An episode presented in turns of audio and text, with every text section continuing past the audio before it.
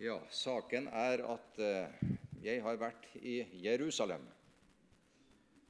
sammen med Signe. Og det kan ikke gå ubemerket hen. Det er en historisk by.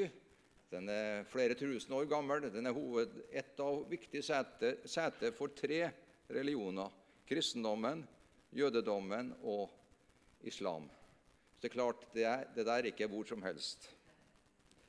Eh, og det å være på en plass der Jesus hørte så sterkt hjemme, det betyr at jeg har vært hjemme hos han. Ser du det? Og du, når du har vært hjemme hos noen, så kjenner du dem ekstra godt. gjør Du ikke det? Du har vært liksom innafor hans revir, hans plass, hans tempel, der han virka, der de gatene og stredene han eh, talte på. Der har vi vært. Det er jo fantastisk. Eh, og på en måte Når du kjenner forfatteren av en bok, så blir boka ekstra interessant, ekstra levende. Den hellige ånd liksom eh, åpner forstanden vår, så vi får se Jesus i et klarere lys gjennom Bibelens ark og blader. Det blir på en måte en ny bok når du har lest den på den måten. Eh, så hovedfokuset vil være en tale som Jesus holdt eh, utafor tempelet. Og Han snakka om vann, levende vann, og hvordan tørsten kan øke i en ørkenplass. For det der var en ørken, og Jerusalem var en ørken. Det ligger 800 meter over havet, så det, det er ikke så mye, så mye eh, elver som renner ned i Jerusalem. Det, det ligger på et vannskille. Eh, det eneste en del nedbør er det jo, men det er ganske sjeldent. Så det var en mye tørrere plass enn vi er vant med. Eh, der eh, holdt han en berømt tale. Og Den skal jeg prøve å trenge litt igjennom, for det fikk jeg ny innsikt i den talen han holdt om levende vann på den der tørre, knusktørre plassen i verden. Det er mange som har reist til Jerusalem og fått et kall til å gjøre det. Det var ikke sånn med Signe og meg når vi dro dit. Vi dro dit, Jeg hadde jobb, et jobboppdrag der, så jeg må jo selvfølgelig ha noe å gjøre. Eh, men jeg tenkte der er min sjanse til å besøke denne berømte plassen. Nå skal vi gjøre det vi kan ut av det. Og her er en annen person som hadde gjort mye ut av plassen. Selma Lagerlöf, en berømt svensk forfatter, som har skrevet bok om Jerusalem. Det er en hendelse for over 100 år siden om en del svenske kristne som fikk et åpenbaring, et kall til å dra dit og oppleve live, eller på stage, da, der Jesus var aktivitet. Og Han har skrevet en bok om det som heter 'Jerusalem'. Det laga en film av det til og med også. Eh, og fikk til og med Nobelprisen hos Selma Lagerlöf fordi denne dybde analysen der av de svenske kristne som dro dit for over 100 år siden. I dag er det ca. 30 000 eh, kristne, messiastroende, eh, Jesus-troende kristne i, i, i, Israel. Og halvparten av dem er fra tidligere sovjetstater. Det er mye russisk og ukrainsk språk i de kristne menighetene. I hele verden er det ca. 300 000 Jesus-troende jøder. Så det skjer en del blant eh, jødene også, selv om de er et ganske stengt folk i forhold.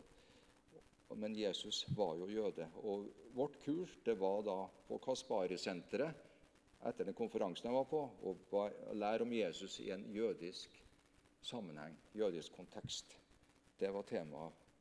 Er det mange her som har vært i Jerusalem? da, Få se. Én, to, tre, fire, fem, seks, sju. Det er mindretallet. Så flertallet her har noe nytt å høre om denne saken. Ja Litt om vann først. For vi, Vårt forhold til vann er ganske annerledes enn det som er i Jerusalem. Det tør jeg påstå. Vi har en overflod med vann. Og Vannet inngår i det kjente store kretsløpet fra havet med fordampning, og så over fjellene, og så regner det ned, og så kommer det tilbake. den, det vi på moderne språk kaller sirkulærøkonomi. Den er allerede oppfunnet for mange år siden. som du ser. Sirkulærøkonomien er i drift gjennom vannet. Det er en av de store kretsløpene i naturen. Og vannet renses samtidig eh, gjennom det der kretsløpet, så vi får rent vann. Og takk og lov for det. Og det øser vi av hver dag. Vi står opp og lager oss noe å drikke, og vi pusser tennene og vi vasker oss. Dette er det rene vannet henta fra naturens store kretsløp til vår velsignelse. Og vann har veldig spesielle egenskaper. Vi hadde forelesning på universitetet av en kjemiprofessor der. Han sa at vann er et vanlig stoff for oss, men med helt unike egenskaper. F.eks. har det størst tetthet ved pluss fire grader, slik at det legger seg på bunnen når det blir kaldt. Og så legger det seg lettere vann, altså som er eh, lavere temperatur på toppen. Og da lager det is som lukker da hermetisk, mer eller mindre eh, temperaturmessig, da, for eh, kuldenedslag i bunnsjiktet på vannene. Så da lever fisken i ferskvannene våre fortsatt, takket være den unike egenskapen. Og på universitetet så sa han, eh, han kjemiprofessoren at han har sjekka ut 100 000 stoffer. Og det er bare vann som har den unike egenskapen som han har avlest ut av det her.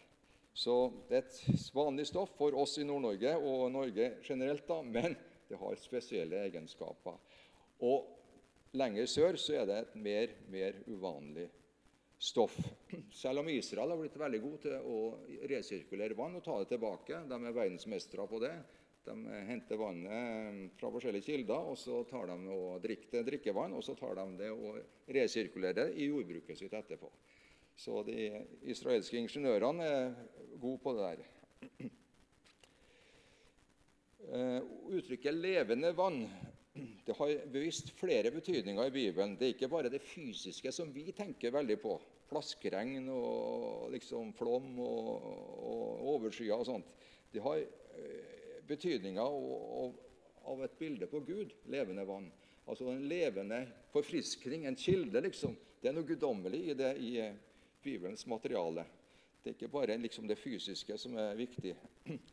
Eh, det er også snakk om en frelse, altså en rensende frelse, som ligger i vannet. Bortvaskning av synder. Og det er ting som ikke er til salgs. Det er altså naturvare. Det er vare som kommer fra himmelen.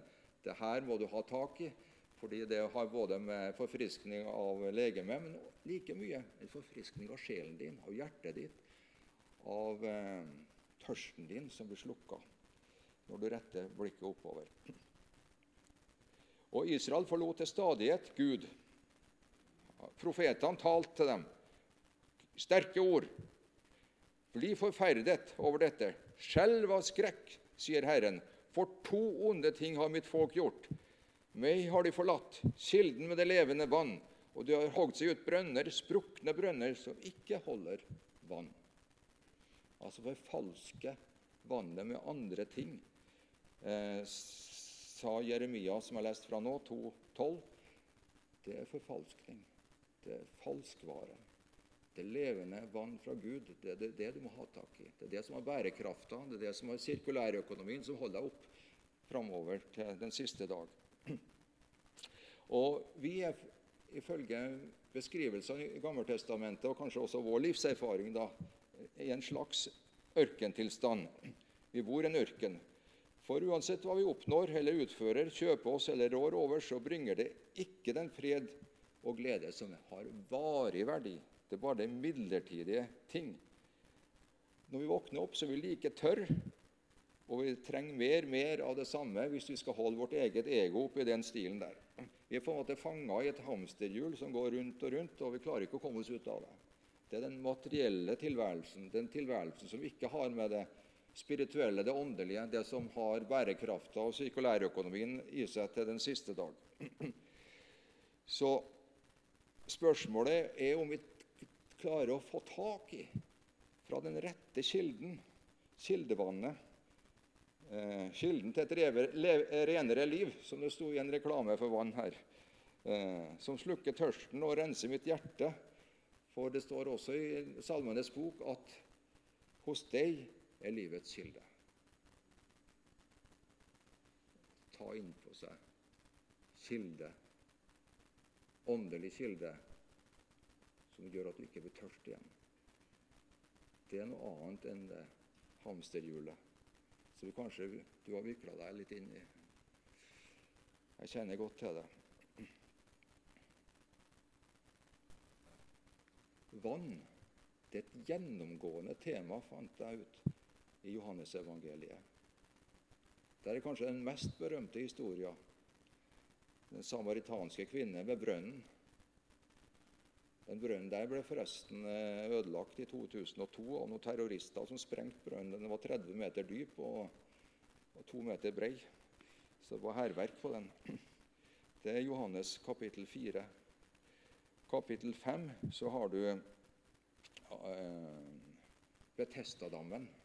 Det er også en syk som ville komme seg ut og få helbredelse i en bestemt dam i Jerusalem der.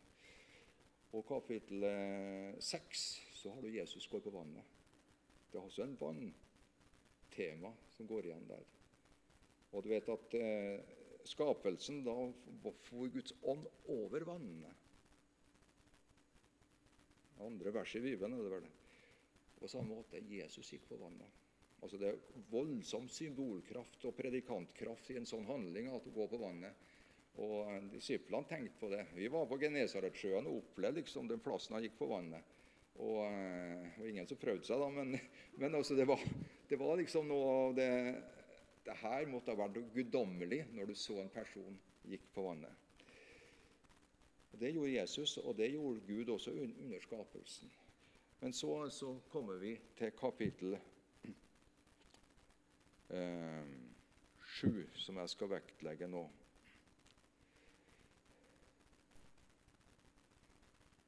Det er altså det levende vann som Jesus talte om utafor den der tempelmuren. Der er tempelmuren som vi så på i Jerusalem, slik som den er utgravd nå. Den er 280 meter lang, nesten tre fotballbaner. Den var mye større enn jeg trodde, den der muren. Og Der var det en berømt tale som ble holdt ved en av inngangene Eh,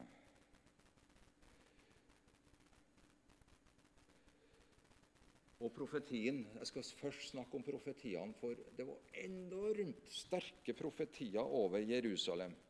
Messianske visjoner. Hør her. Denne ånden altså førte profeten Esekiel Det står sitert oppå veggen der nå. Han førte meg tilbake til tempelinngangen. Og se, vann strømmet ut under terskelen på østsiden av tempelet for tempelfasaden vender mot øst. Vannet rant ned på høyre side av tempelet, sør for alteret. Han førte meg ut gjennom nordporten, og der fulgte han meg rundt den ytre porten som vender mot øst. Og se, vannet sildet fram på høyre side. Så det, en, det skulle komme et vannflom over Jerusalem. Det tørre, knusktørre plassen oppå høyden der. Der skulle det komme en vannflom. Altså det var en messiansk forestilling om at det her kom til å skje noe voldsomt eh, på Jerusalem. Det snakka Esekiel om. Og Litt senere i Esekiel også, og alle levende skapninger som rumler overalt hvor dobbeltbekken kommer. For det skulle stimle ut på østsida og på vestsida. Og på østsida skulle det stimle da ut mot eh, Dødehavet. Og på vestsida ut mot Middelhavet. Så det skulle være en voldsom sånn vannvelsignelse over ørkenlandskapet, var det profetert fra eh, Esekiel. Når dobbeltvekken kommer, skal eh, fisk og alt levende bli meget tallrike. For når dette vannet kommer dit, blir det sunnhet og liv overalt hvor bekken kommer. Altså en velsignelsesbekk over det. Og det samme eh, er i Zakaria, også en, en, plass der det er snakk om eh, sterke eh, profetier. Det skal komme en dag. På den dagen skal leven, levende vann strømme ut fra Jerusalem. Og Den ene halvdelen til havet i øst, den andre halvdelen til havet i vest. Både sommer og vinter skal det være slik. Så det var for oss kanskje litt sånn voldsomme tanker og visjoner, profetier om Jerusalem, som jødene sto og venta på. Her er vi nede på ground zero, altså det ved, ved tempelets port, veggene her.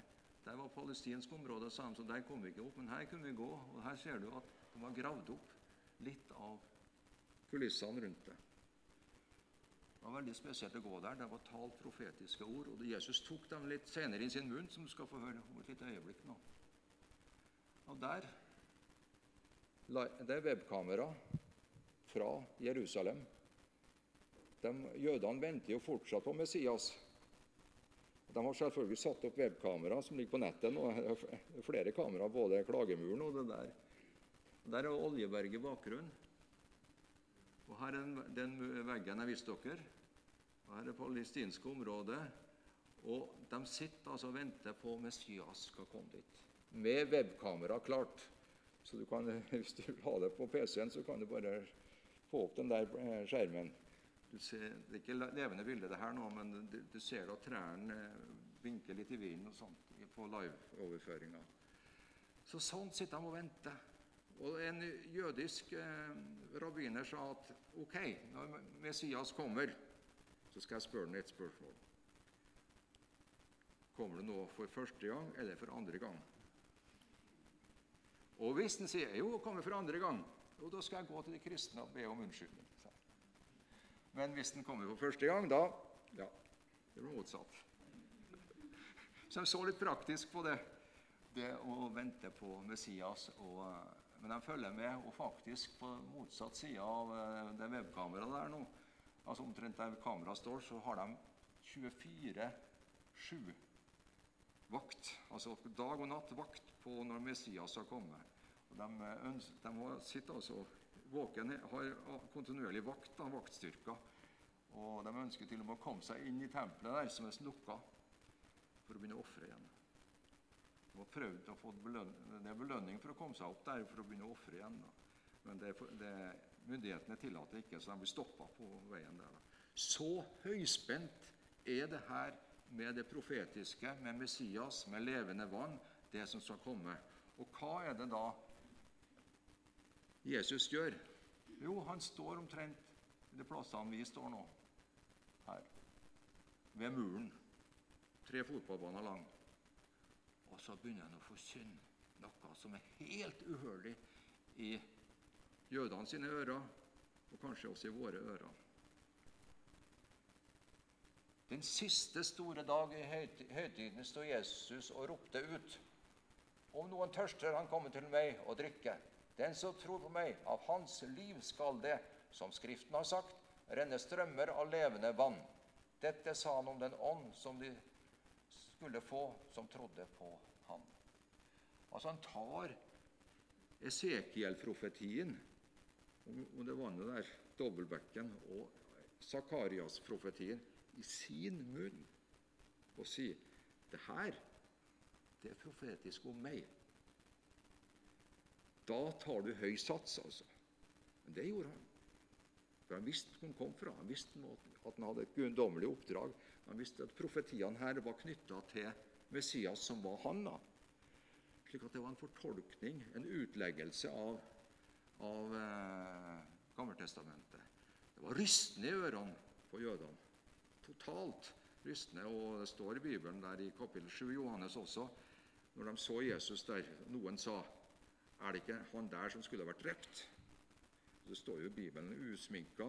Han der skulle ikke vært drept. Eller kanskje jøde, eh, nå har begynt å eh, trekke seg litt tilbake og ment at han kanskje er Messias allikevel. Så den konfrontasjonen der var til stede fra dag én og minutt én. da. Så å stå der og se tempelet, se muren, se det tørre landskapet og vite profetiene om levende vann fra Gud da, for å slukke tørst, at Jesus tar det i sin munn. Der. Og vi var der og sto der og hørte han eh, guiden vår, han danske presten der, da, som fortalte oss det. Det var meget sterkt. Da var jeg på ground zero. Det har vært en plass jeg ikke har vært ellers. Så her eh, det er gravd ut, og her går Signe langs noe som kanskje Jesus gikk på. Trådd der. På det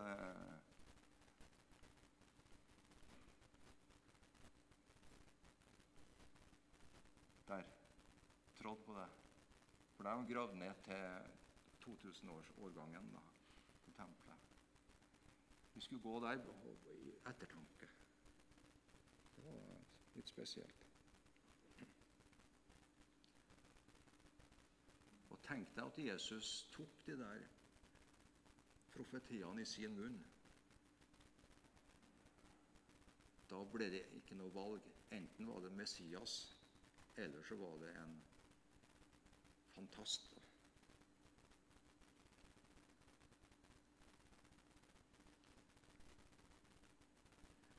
Og Johannes, som skrev kapittel 7, og det som er referert talen fra nå, han levde til han ble 90 år, sannsynligvis.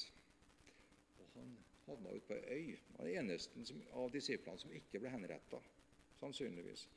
Han eh, overlevde, han ble gammel, og han døde ute på ei øy som heter Patmos. Og da hadde han nye visjoner og åpenbaringer og så inn i det nye Jerusalem og det himmelske riket. liksom. Og Da sier han omtrent sånn Han sier nøyaktig slik om, det, om den åpenbaringa Jesus fikk da. Jeg er alfa og omega, begynnelsen og enden. Jeg vil gi den tørste å drikke av livets vannkilde for intet. Så her er den voldsomme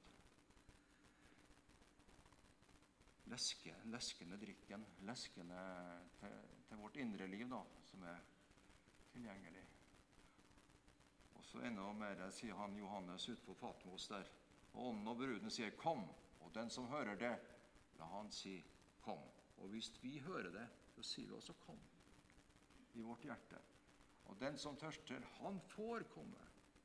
Og den som vil, han får ta livets vann for intet. Så vann har en veldig sterk betydning. Og Det står også i åpenbaringa kapittel 22 der litt senere. Han viste meg en elv med livets vann, klar som krystall, så strømmet fra Guds og lammets trone, midt i byens gate. På begge sider av elven sto livets tre som bærer frukt tolv ganger og gir sin frukt hver måned. Og bladene på treet blir til helse for folkeslagene. Så det levende vannet der, og livets tre, som jeg grubla mye på hva det er for noe og kunnskapens tre, Gjeddens hage og livets tre. Det er også dermed ikke så mye omtalt, men det har med, sannsynligvis med det evige å gjøre. Med helsebringende, altså livets vann. Kunnskapens tre, det, den spiste menneskene av, og det var ulykke. Men livets tre, det kan vi spise av når tiden kommer, og vi, det er modent, og vi kommer i den nye, verden, nye tidsalderen. Da. da blir det helsebringende og helsebot og framtid og håp. Og eh, åpenbaringa videre, visjonene. Jeg, jeg, Jesus, har sendt min engel for å vitne om dette for dere i menighetene. Jeg er Davids rot og ett, den klare morgenstjerne. Og ånden og bruden sier 'kom', og den som hører, la han si 'kom'. Og den som tørster, han får komme. Og den som vil, han får ta livets vann for intet. Så den ekte vare, den er servert. Jesus har lagt det fram for oss. Han har serveringa klar. Det å snakke om renselse og ha behov for det, og se framover og slukke sin tørst med det som er ferdig servert fra hans side. Han står for serveringa, men vi står da for å ta det innabords. Det fins veldig mange andre sanger om, om Jerusalem også. har ut eh, noe på Frimisjon intern, hvis noen har hørt på den. Den hellige stad er kanskje den mest brukte sangen om Jerusalem. Det fins over 100 innspillinger på YouTube. Eh, blant annet eh, var det et kor fra, ja, fra Bardu en plass som har lagt ut den. Og flere norske sangere også. Men det er klart det internasjonale Eh, musikkframføringa er imponerende der, da. Så teksten er da sånn Der er også en ny, visjon, ny drøm, en ny visjon. En latt jeg lå drømte, en drøm så skjønn og god. I Davids stad Jerusalem, ved tempelets port jeg sto. Jeg hørte barnestemmer som priste Gud i sang, mens svar av englerøster fra himmelen frydfullt klang. Jerusalem, Jerusalem, pris lykken du har nådd. Hosianna i det høye, Hosianna for din drott. Men snart min drøm forandret ble, av glede føltes død eller lenger hørtes sang som fra barneskaren lød. I mørket solens lys forsvant, fremst steg en morgen grå. Da skyggen av et kors som reiste seg til min gru jeg så. Jerusalem, Jerusalem, hør englesangen skjønn. Hosianna det høye, Hosianna for Guds sønn. Og så kommer tredje. Men Ny min drøm forandret ble, en verden ny steg fram. Jeg så en hellig stad med tusen glade hjem. I himmelens glans dens gater lå, dens port, porte åpne sto, så alle fritt kan trede inn og finne hvile god. Ei stjernes prakt kan man savner der, ei sol fra hvelving blå. Det var det nye Jerusalem som aldri skal fordå. Jerusalem, Jerusalem, syng for Han som for oss led. Hosianna i det høye, Hosianna i evighet. Det er den Jerusalem-sangen. Så eh, jeg har den på YouTube. Vi får en sang av Katrin etterpå også, i samme stil. Nå skal vi ta den YouTube-sangen først, fem minutter. Og spill med litt trykk. Den er, tek, den er på engelsk, eh, men det er tekster på, norsk, nei, på engelsk, da, så vi kan følge med hva de synger. Så det er liksom en himmelsk stund i Jerusalem som et forbilde da, for det nye Jerusalem, der all sorg er sletta ut, der eh, håpene som har dødd her nede, får nye dimensjoner og nytt innhold. Det tennes på nye håp, andre håp der oppe i forhold til det vi har i bunnsjiktet her, da, så er det noe som venter i høyden. Og Den lengselen og den drømmen ønsker jeg at du skal få se litt av. da. Alt annet blir sekunder når eh, vi ser det himmelske herskaren, den himmelske gløden, den himmelske rikdommen. Det er ingenting som matcher.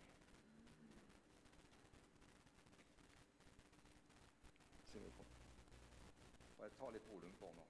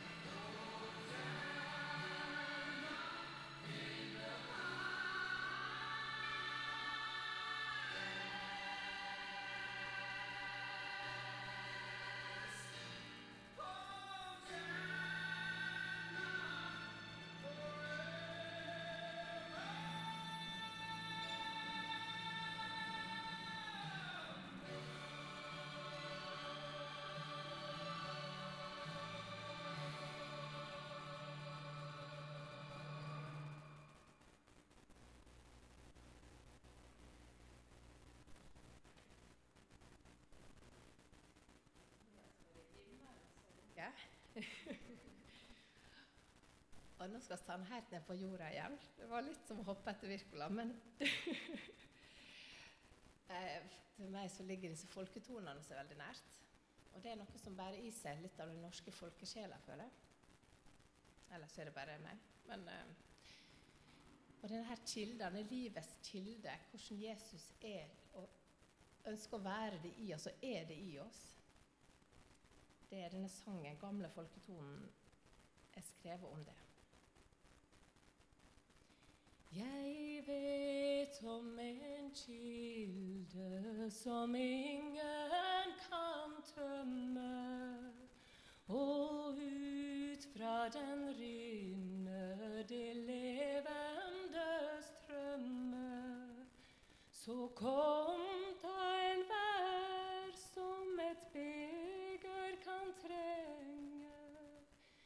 men kom uten penger og dryg ei for lenge. Den kilden er Jesus, den kjærlige gode. Med liv og med fred og med sannhet og med nåde. Så drikk da